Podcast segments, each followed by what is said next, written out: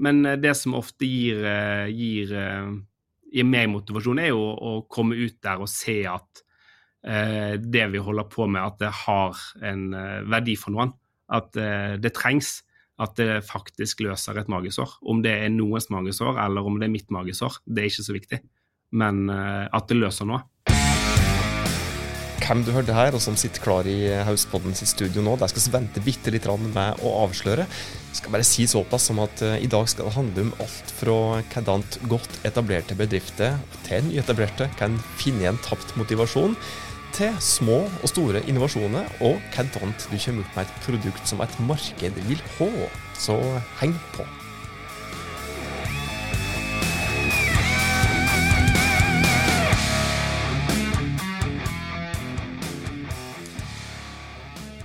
Hvordan er det egentlig mulig for ei ung bedrift altså gå i pluss fra første driftsår, ha sine ja, så langt beste driftsår når mesteparten av verden er nedstengt, og nå, fremdeles sju år etter oppstarten, kjøre med tilsynelatende flat pedal og likevel holde såpass stødige hender på rattet at du ikke kjører av veien når du er på the highway to bedriftslykke.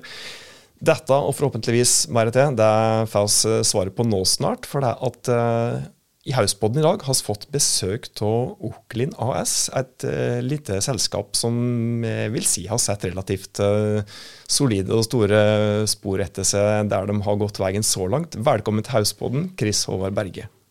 Tusen takk. Veldig stas å få lov å være med. Du, eh, du er en av gründerne i Oklin AS. Eh, du må nesten få lov til å si litt om hvem dere egentlig er, og ikke minst hvordan denne reisa vært så langt. Eh, som jeg antyda i starten, så hadde dere litt av en reise? Ja. Nei, det startet tilbake egentlig høsten 2015. startet vi. Da meg og min kollega Atle Remreit vi møttes når vi studerte i Volda. Volda er jo en veldig eh, sånn rød tråd gjennom eh, alt i Oklin. Men vi møttes når vi studerte, og så frilanset vi og gjorde en del eh, prosjekter sammen da. Eh, så vi begynte egentlig å samarbeide allerede sånn i 2013-2014.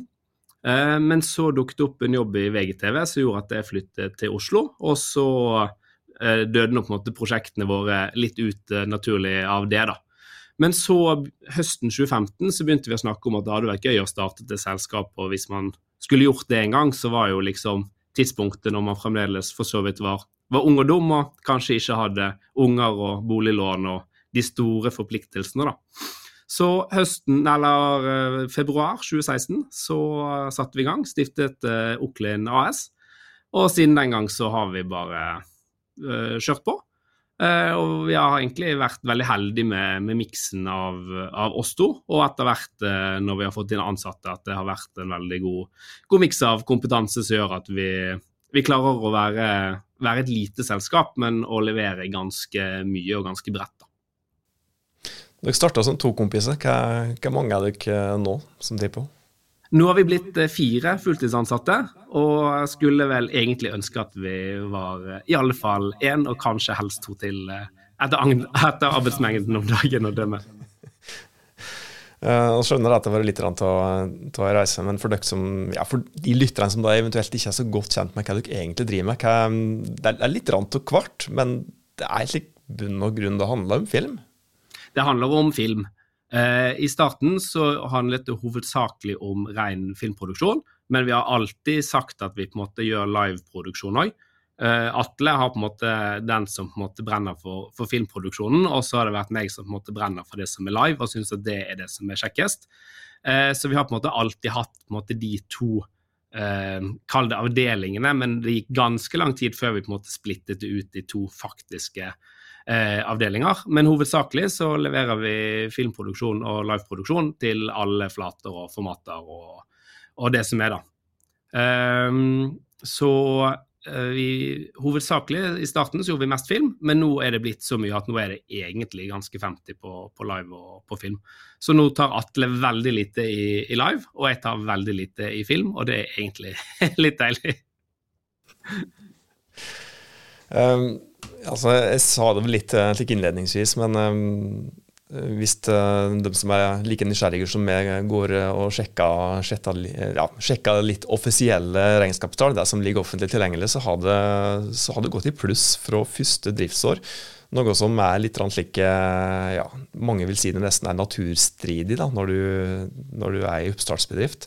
Hvordan er det egentlig mulig å få til dette, selv om dere er ja, en stykk bergenser og en stykk sunnmøring som kanskje er kjent for å være litt mer uh, frampå og, og dyktige enn mange andre?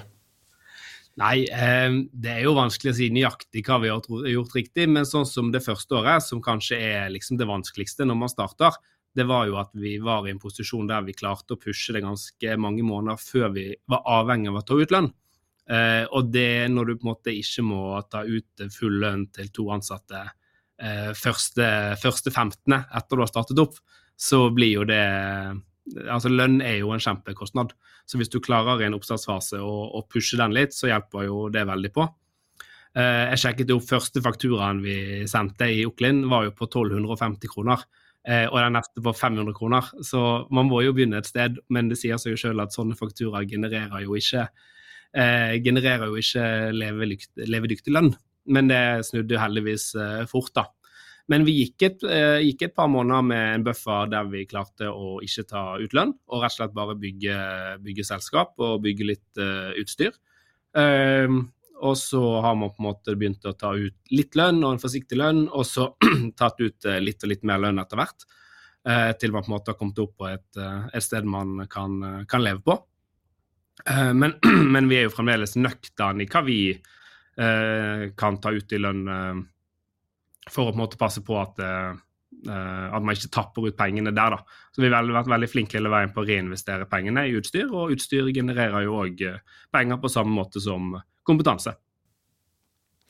Og Etter hvert som dere da fikk sendt ut den første fakturaen på 1250 kroner, og etter hvert fikk begynt å ta ut litt lønn og enda mer litt lønn, og så kom det forsynet med noe som heter pandemi. Hva, hva skjedde da for, uh, for Oklin sin del?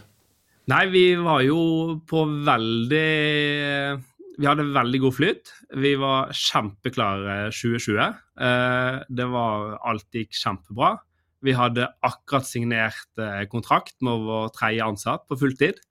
Eh, to dager før Norge stengte ned. To eller fire dager før Norge stengte ned. Eh, kjempetiming. Vi testet ut eh, Nav-systemet med permittering. Eh, litt rart å signere sin egen permitteringsmelding og finne ut av eh, hvordan det funket. men det, det, traff jo oss som alle andre. Det traff oss litt seinere. De første månedene kanskje så syns vi litt sånn at eh, OK, bookingen i kalenderen består, dette er spennende. Men så bare traff det også bare litt seinere enn alle andre, og så bare ble alt vipet. Vi hadde den kalenderen linet opp, og vi gikk inn og bare vi slettet alt som lå. Men vi hadde en kjempefordel, for så lenge siden, eller fra, fra dag én i Oklin, så har vi vært vant til å jobbe med at jeg bor i Oslo, Atle bor i Volda. Um, så det å på en måte jobbe remote, jobbe hjemmefra, jobbe digitalt, det har på en måte vært uh, Det er liksom lagt i DNA-et vårt fra, fra dag én. Så vi måtte ikke bruke masse tid på å omstille oss og finne ut hvordan Teams virker, eller hvor, uh, hva Slack er for noe, for det var på en måte allerede ryggmargen i, i selskapet. Um, så vi brukte egentlig tiden på å tenke rundt hva, hva kan vi gjøre. Vi har livebein å stå på. Hvordan kan vi utnytte det? Uh, det er utrolig mye rare, artige produksjoner jeg har gjort uh, hjemme fra stuen i disse pandemiårene. Alt fra styremøter til uh, hemmelige møter, ikke hemmelige møter, men bedriftsinterne møter med på en måte taushetserklæringer. til festival til konsert eh, som har gått via stuebordet hjemme. Eh, så det er ganske artig hva man eh, kan få til. Eh, og jeg husker spesielt godt vi hadde et møte når, eh, når pandemien traff. Så det var en eh, bekjent av Atle som jobber i mer reklamefilmbransjen i Oslo. Der de gjerne er vant til å være en 10-15 personer ute på, på reklameinnspilling. Som ringte Atle og spurte du, dere driver med live, hvordan kan vi eh, streame innspillingene våre og være færre folk på sett. For det var jo veldig antallbegrensning i Oslo. Og så sa Atle ring Chris Over. Uh, han ringte meg, og så sa vi vi har uh, bokser som vi kan sette opp til dere. Uh, dere kan komme og hente. Og så kan dere streame, være så kutte alt av folk på sett, minus absolutt nødvendig. Og så streamer vi hele reklameinnspillingen for dere. Og så kan folk som skal mene noe, sitte hjemme og kommentere og følge med underveis. da. og lagde en, jeg lagde en pakke rundt det, og det kom prodaser i Oslo på døren. Fikk en To stykk med munnbind møttes nede i gangen og leverte en kasse som var spritet med, med utstyr. Eh, sendt av gårde, og så streamet vi reklamefilminnspilling. Den største var jo en reklamefilminnspilling for, for Telenor, da. Eh, og så hadde vi et møte med en eh, sånn bedriftsutvikler oppe i Volda, eh, der vi lurte og var veldig spent på om vi skulle tørre å investere 20 000 kroner i én boks til. Det var liksom, det var en times møte om vi liksom det var en dum investering. Eh, og så ser man tilbake på noe og tenker at 20 000 det er jo i, i bedriftssammenheng så er jo det niks null nada. Men det, vi, det, brukte vi en time på å drøfte om det var en god eller dårlig investering. Eh, men etter vi kjøpte den boksen, for vi endte opp med å kjøpe den, så gikk det jo ikke lenge før vi kjøpte to flunka nye firmabiler. Og 2020 ble, blir husket hos oss som det største kjøpeåret i Oklins historie. Så når man først åpnet eh, pengebruken, så, så, gikk det jo helt av eh, helt av skaftet. Men eh, samtidig så var jo det for å rigge seg for å kunne gjøre mer digitale ting, da. Og, og levere tilpasset i den nye hverdagen, da. Egentlig et uh, aldri litt eller ganske stort, kanskje. Uh, ja, stor grad av forretningsmodellinnovasjon der, når dere rett og slett da begynte å ja, rett og slett kunne logge en løsning som, som gjør folk å kunne spore folk på settet, f.eks. Vi har jo alltid hatt et motto i Oklin som heter eh, 'gjør små produksjoner store'. Og i det så har jo vi alltid lagt eh, For, for oss så har det som har lagt bak at vi klarer å gjøre mye med, med få ressurser. Um, så for oss å på en måte være ti personer på, på sett har på en måte aldri vært en, en, den type produksjon vi har gjort. Uh, det har handlet om å på en måte være, være lite folk, men å levere et på en måte uh, veldig bra produkt i forhold til bemanning og utstyr. og på en måte Det har på en måte vært uh, ja, vår liksom måte å gjøre det på. så det var jo på en måte veldig artig når på en måte det var det verden plutselig trengte. og at vi på en måte kunne bare Sånn, sånn ville vi gjort det. Eh, og så er det jo litt stas, for etter hvert så skjønte jo utleiehusene i Oslo at eh, når de leide ut kamerautstyr til innspillingene, så kunne jo de like gjerne leie ut dette utstyret. Så det gikk jo ikke veldig mange måneder før eh, Vi hadde enerett på dette produktet et par måneder før de andre utleiehusene kopierte det. Og siden så har ikke vi hatt noe butikk på det. Men vi, vi vet at det var vi som startet det, og det, det er artig. Eh, dere snudde dere eh, fort rundt når eh, det først brenner. Men hva, hva viktig er det egentlig å snu seg fort rundt og så se muligheter når andre kanskje ser begrensninger, og kanskje, eh, kanskje kontinuerlig se på, se på, nye muligheter hele tida? Nei, det er jo det er jo kjempeviktig, og det er jo kjempelett å si at det er viktig, men det er jo vanskelig når du sitter der og på en måte skal skal finne opp kruttet. Ehm, sånn sett, det positive var jo at vi plutselig hadde veldig mye, mye tid, som alle andre, på hjemmekontor. Uh, og vi satt og putlet og hadde liksom idémyldring. Og så har vi litt uh, eh, utvikla kompetanse internt, så vi klarte på en måte å ta det med video på nett og legge på en del tilleggsfunksjonalitet. Uh, vi lagde en løsning som en digital quiz-løsning, f.eks., som vi kjørte en del med Høgskolen i Volda. Quiz er jo superpopulært blant uh, studentene på studenthuset der. Uh, men når da det selvfølgelig var stengt, så lagde vi en løsning som gjorde at høyskolen på en måte overtok den og holdt quizen litt i, i live.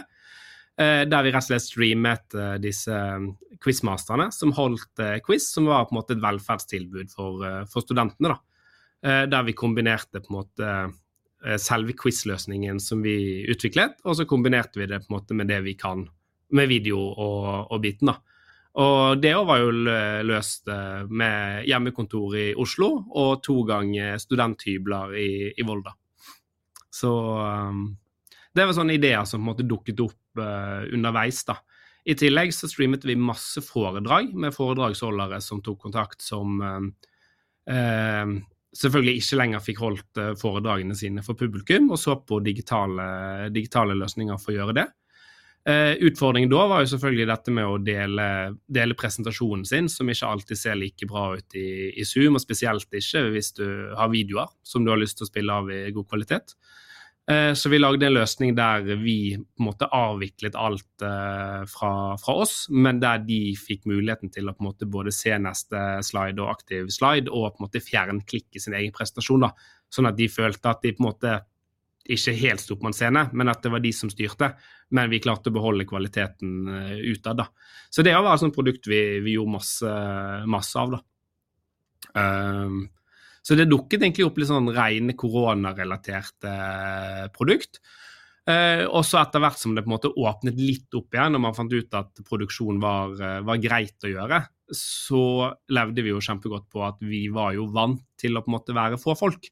Sånn at når folk på en måte tok kontakt, vi, men vi må være få folk, vi må på en måte, vi må følge, vi må være innenfor retningslinjene på antall personer og sånn.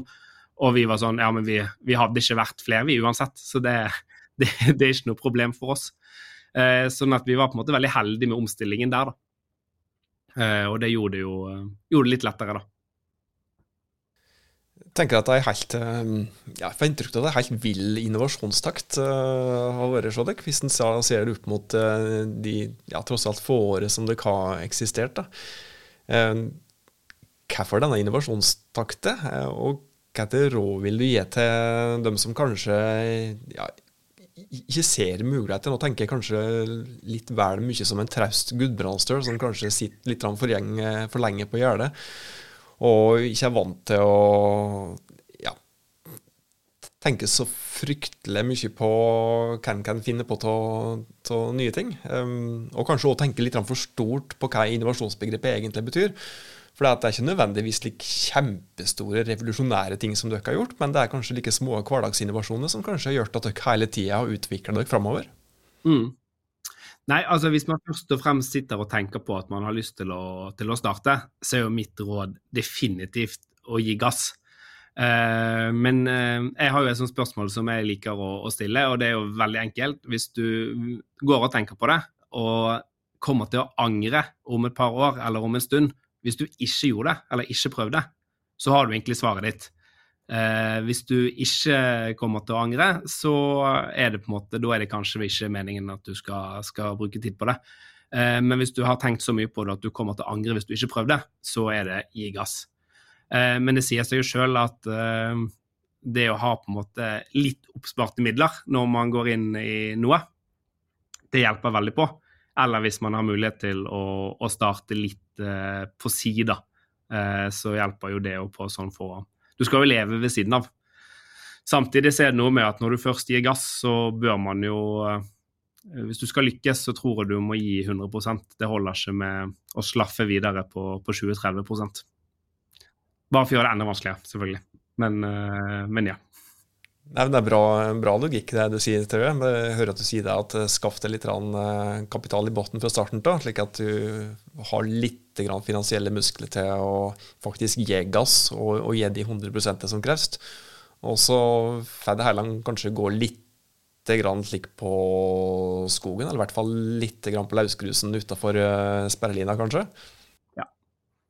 Og så har vi det som er en fellesnevner måte alle de eh, kall det småproduktene vi på en måte har, har, laget, eller tjenestene vi på en måte har levert, har jo vært at vi har sett eh, Alt henger jo sammen med videoproduksjon.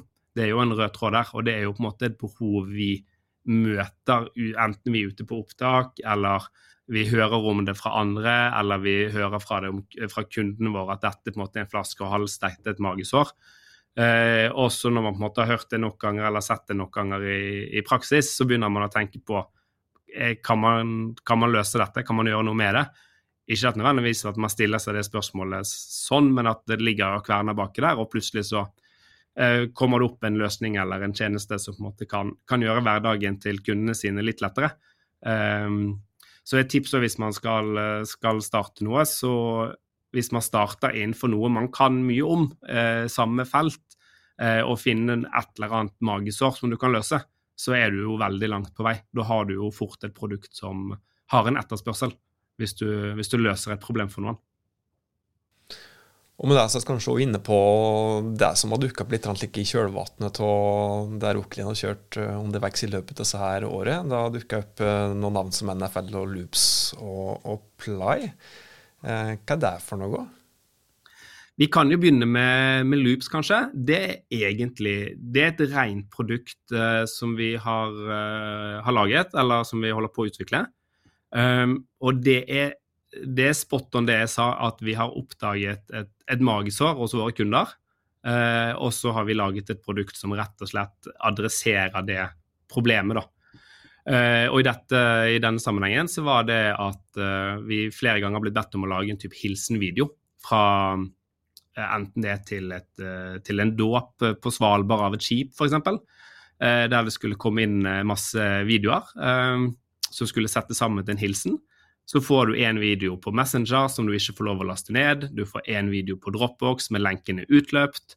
Eh, du får én på WeTransfer. Eh, du får én på mail, så den er nedskalert så du klarer ikke å se hva det er. Du får én på MMS, og du får én på iMessage. Eh, og så skal du rett og slett sette dette her sammen til en video. Men som et produksjonsselskap, og når man da tar betalt for tiden sin på å nøste opp i dette her, versus eh, resultatet man sitter igjen med av en film, så, så, er det på en måte ikke bærekraftig for noen. Vi sitter igjen med et produkt vi, vi leverer et produkt vi ikke er stolt av. Kunden sitter igjen med et produkt de føler de har betalt altfor mye for. Uh, så det er på en måte uh, det, det, er ingen som vinner på det. Uh, men samtidig så er det jo fantastisk genuint bra innhold å fylle på med i, i sånne type settinger. da.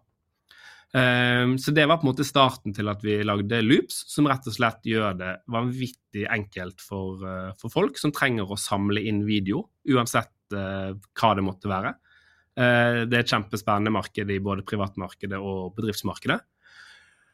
Så nå har vi noen aviser som, som tester det, for å hente inn rett og slett brukergenerert videoinnhold. Um, og så kommer det inn, og så gjør vi litt uh, magi på videoene og behandler det til litt ulike formater og, og, det som er. Og så har vi kalt det et produkt og rett og slett faset ut i et eget selskap kalt, uh, kalt Loops.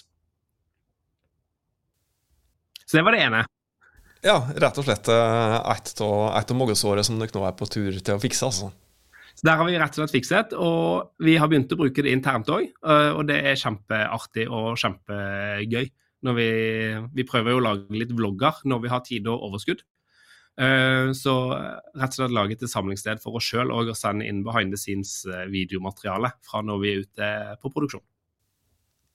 Og så er det noe liveløsning for, eh, for eh, matinteresserte eller kokke eller noe slikt òg, har jeg skjønt? Yeah. Nordicfoodlive.no er et uh, selskap som ble opprettet uh, under pandemi. Uh, vi kom inn etter det var opprettet og ble spurt om vi ville være med. Men, og det, jo, det begynte jo kanskje som et selskap som var veldig sånn kokkerettet under pandemi. De skulle jo omstille seg. Eh, mens nå har det glidd over til å rett og slett bli en slags Netflix for eh, kokkeinnhold. Um, så nå er vi rundt og filmer uh, fantastisk dyktige kokker i Vi har startet i Norden. Um, så Atle har jo bl.a. vært og filmet på Rest med Jimmy Øyen. Og vært og filmet på Credo i Trondheim med, med Heidi Bjerkan. Uh, fått spist vanvittig mye god mat. Uh, og filmet uh, vanvittig fine matbilder. Eh, så det er rett og slett et, eh, ja, en, en streamingtjeneste for, eh, for kokkeinnhold, da, rett og slett. Der du virkelig blir kjent med, med kokkene og deres måte å tenke på og jobbe på med bærekraft og og ikke minst Jimmy sin måte å tenke bruk og kast på, eller på en måte at det, man, uh, hva han får tak i av varer som egentlig hadde gått rett i, rett i en konteiner, og hva han klarer å prestere ut av det, det er helt spinnvilt. Eh, så der er vi rett og slett bare en teknisk eh, leverandør som har klart å rote oss inn på, på eiersiden, så det er jo utrolig artig. Eh, så der reiser vi rundt og produserer mat. Vi har gjort et par, par livestreamer òg, så det er artig. Men Og så er vi litt på utviklersiden òg, med litt sånn statistikkverktøy og, og litt rent måtte levere levende bilder på nettløsning. Um, men um, Så det er på en måte et spennende produkt. Og så har vi jo uh, Det siste vi har begynt på, på nå, er en streamingplattform som heter Play. Og den løser rett og slett et, uh, et av våre magesår. Det er derfor den ble laget. For det å streame på, på nett om dagen er Det fins masse gode løsninger, men i kjølvannet av eh, GDPR så er absolutt alle amerikansk. Uh, og hvis man, tar det et, uh, hvis man setter det helt på spissen, at det er uh, Hvis et bilde inneholder en personopplysning, hvis det er et menneske i et bilde som er gjenkjennbart, og man streamer med 50 bilder i sekundet, så begynner det å bli ganske masse personopplysninger som går til, til utlandet. Hvis man setter det på spissen. Nå har ikke det vært noen saker på dette ennå, men om de kommer, så kan det bli ganske spennende. Jeg spørs om Max Schrems hører på Hauspodden, for han har garantert ikke tenkt på akkurat den biten der. Hvis han da tenker volum i form av alle de frames som da inneholder personvernopplysninger, så kan han få blod på tann. Eh, det virker som om dette har bare gått under radaren enn så lenge, men her har vi prøvd å være litt, litt frempå. Det er jo hyggelig å lage et produkt før folk Før man på en måte må. For det at noen Noen blir jo den første som får en smell. Og idet den første smellen kommer, så må jo alle hive seg rundt. Men vi har prøvd å være litt uh, frempå. Så vi har laget en løsning der vi kun har funnet underleverandører som er i EU. Eh, og laget en ganske god streamingløsning, eh, syns vi sjøl. Eh, og årsaken er jo rett og slett at vi trenger det sjøl. Men vi har bygget den opp fra start for å være et, et hylleprodukt da, som vi kan tilby, tilby andre. Så vi driver nå og, og, tester litt. Vi er vel akkurat lansert det vi kanskje kaller en versjon 1. og den begynner å bli brukt mer og mer i, i Norge. Flere og flere som begynner å bli interessert og snuser litt på det. Så det er utrolig artig. Og det kanskje kuleste teknisk er jo at uh, det vi gjør nå, er at nå ligger vi på en kanskje ti sekund forsinkelse på, på, stream. De fleste som ser på en stream på Facebook eller YouTube, er jo vant til at man ligger kanskje en 10-12 sekunder bak, på det beste. Uh, på det kjipeste så ligger man kanskje 40 sekunder bak. Uh, men vi har mulighet til å ligge med to sekunder forsinkelse. Og da begynner vi å snakke. Da er ikke det bare det at vi er et norsk produkt, som, eller et europeisk godkjent produkt som gjør at vi blir valgt, men vi kan òg bli valgt fordi at vi faktisk leverer et, eh, et knallbra produkt. da. Lett å miste litt av like munn, munn og munnen, munnen med der nå. for um, Du starter med å si at uh, prøv å finne ditt magesår. Så prøver du vel magesåret hos kunden, og så løser du det. Og så sier du at du har funnet et magesår for, for dere. Men dere dreier jo litt lenger, for dere uh, finner jo noe som kanskje kan være antydning til et magesår, der det potensielt kan komme et magesår en eller annen gang i, i framtida, i nær eller fjern framtid. Og da begynner vi kanskje å nærme oss uh, ja, eh, ikke bare innovasjon, men kanskje litt, eh, litt eh, framsynthet òg, i form av like Mysil Bergsprekken Et, et ja. lite Mysil Bergsprekken-gen som har slått til her? Det er kun dette selskapet vi har tenkt så langt på, da, så vi får se. Men det er i hvert fall Når motivasjonen er at du trenger det sjøl, så er jo det en veldig god eh, motivasjon. Eh, og det gjør jo òg at du hele tiden får eh, forbrukertestet det veldig godt. At du òg tester ditt eget produkt. Uh, for én ting er jo å lage det, jeg merker det veldig sjøl når jeg sitter og koder. Så gir ting ufattelig mening for meg, og dette gjelder loops òg. Og så kommer Atle og tester det, og så forteller han meg at det her henger jo ikke på greip. Rekkefølgen ting gjøres på, hvor knappen er plassert. Eh, mens for meg, når det kodes, så gir det teknisk mening at det er der det er. Men det betyr jo på ingen måte at det gir den beste brukeropplevelsen.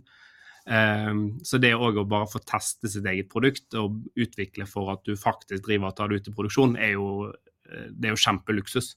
For så mange småting vi har luket ut med å faktisk ta det, ta det ut, og så eh, teste de ekte produksjonene. Det er jo eneste måten å få ekte data på og så tar det med hjem igjen, og så reskriver man hele greien til, til neste produksjon neste morgen for at uh, man fant noe, noe som skurret, da.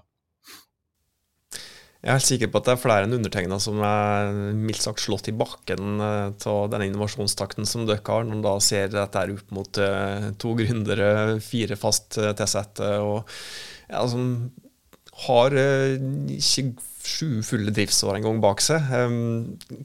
Hva i all verden finner oss Oklin om, om, om fem år? Nei, det er jo veldig vanskelig å si. Det som er spennende, er jo alt som skjer med AI på, på Egentlig på alt, men det har jo kommet kjempelangt på videobiten òg. Uh, og der er vi Der føler jeg egentlig at vi allerede har falt bakpå. Uh, der burde vi lekt mer, vi burde testet mer. For det så mye kult. Jeg tror på ingen måte at AI kommer og tar jobbene våre eh, over natten, men man må man bør være raskt ute og begynne å på en måte se hvordan man kan samarbeide med AI. Eh, man skal på ingen måte avskrive det som, eh, det som skjer. Ehm, så ehm, Nei, det er veldig spennende. Ehm, fem år er jo vanvittig lenge. Det er jo nesten eh, dobbel levealder. Så det er ikke godt å si. Men jeg håper jo at det vi gjør, fremdeles er tilknyttet video. Nå er det jo mye tech om dagen med, å, med det, alt det nye vi driver med. Men, men all, den røde tråden som nevnt tidligere, er jo at alt har jo video i bunn. Og, og, godt innhold, og innhold vil jo alltid bestå. Så det å fortelle historier, det vil alltid bestå. AI gjør en god jobb, men uh, de leser ikke alle parametrene helt ennå. Ehm, så får vi se om tre år, fire år. Men eh, Nei, det er ikke godt å si. Det er veldig vanskelig. Men eh, jeg tror vi har mye artig teknologi som vi bruker til å presentere og lage video på, på nye måter. Hvis det skulle komme med ett siste gode råd til, ja, som kan funke både for eh, gründere, ferske startups og kanskje bedrifter som har vært med i gamet i ganske så mange år, men som kanskje sliter litt med å se muligheter, da, og kanskje har kjørt seg fast i et, eh, i et spor de ikke kommer ut av. Er det noe du vil si da? Det er jo vanskelig Ja, nei. Det er vanskelig. Man, man har jo perioder der man eh, det, det, går jo veldig opp og ned. Du merker det jo når vi holder på med eh, alt dette. Så kommer det liksom perioder der man på en måte mister troen på, på alt, og så må man på en måte hente seg litt inn igjen og, og, og få litt troen igjen. Uh, men uh, også uh, Men nei, man må jo rett og slett bare komme seg ut og, og finne den motivasjonen på et vis da, til, til å gi gass. Men det som ofte gir, gir, gir meg motivasjon, er jo å komme ut der og se at Eh, det vi holder på med, at det har en eh, verdi for noen. At eh, det trengs. At det faktisk løser et magesår. Om det er noens magesår eller om det er mitt magesår, det er ikke så viktig. Men at det løser noe. Så hvis man har stått seg litt fast, så kanskje, kanskje rådet mitt er å komme ut og, og, se det bli brukt, se det løse noe.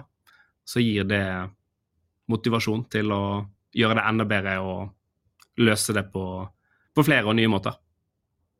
Tusen takk for at eh, du eh, besøkte Hauspodden, Kristian Håvard Berge. Tusen takk for at jeg fikk lov å være med. Da skal vi til veis ende i denne her episoden av Hauspodden. Fantastisk inspirerende og ikke minst motiverende å høre Chris Håvard fra Oklin fortelle om gründerreisa så langt. Inntil oss eh, høres neste gang, så må du ta godt vare på det og dine.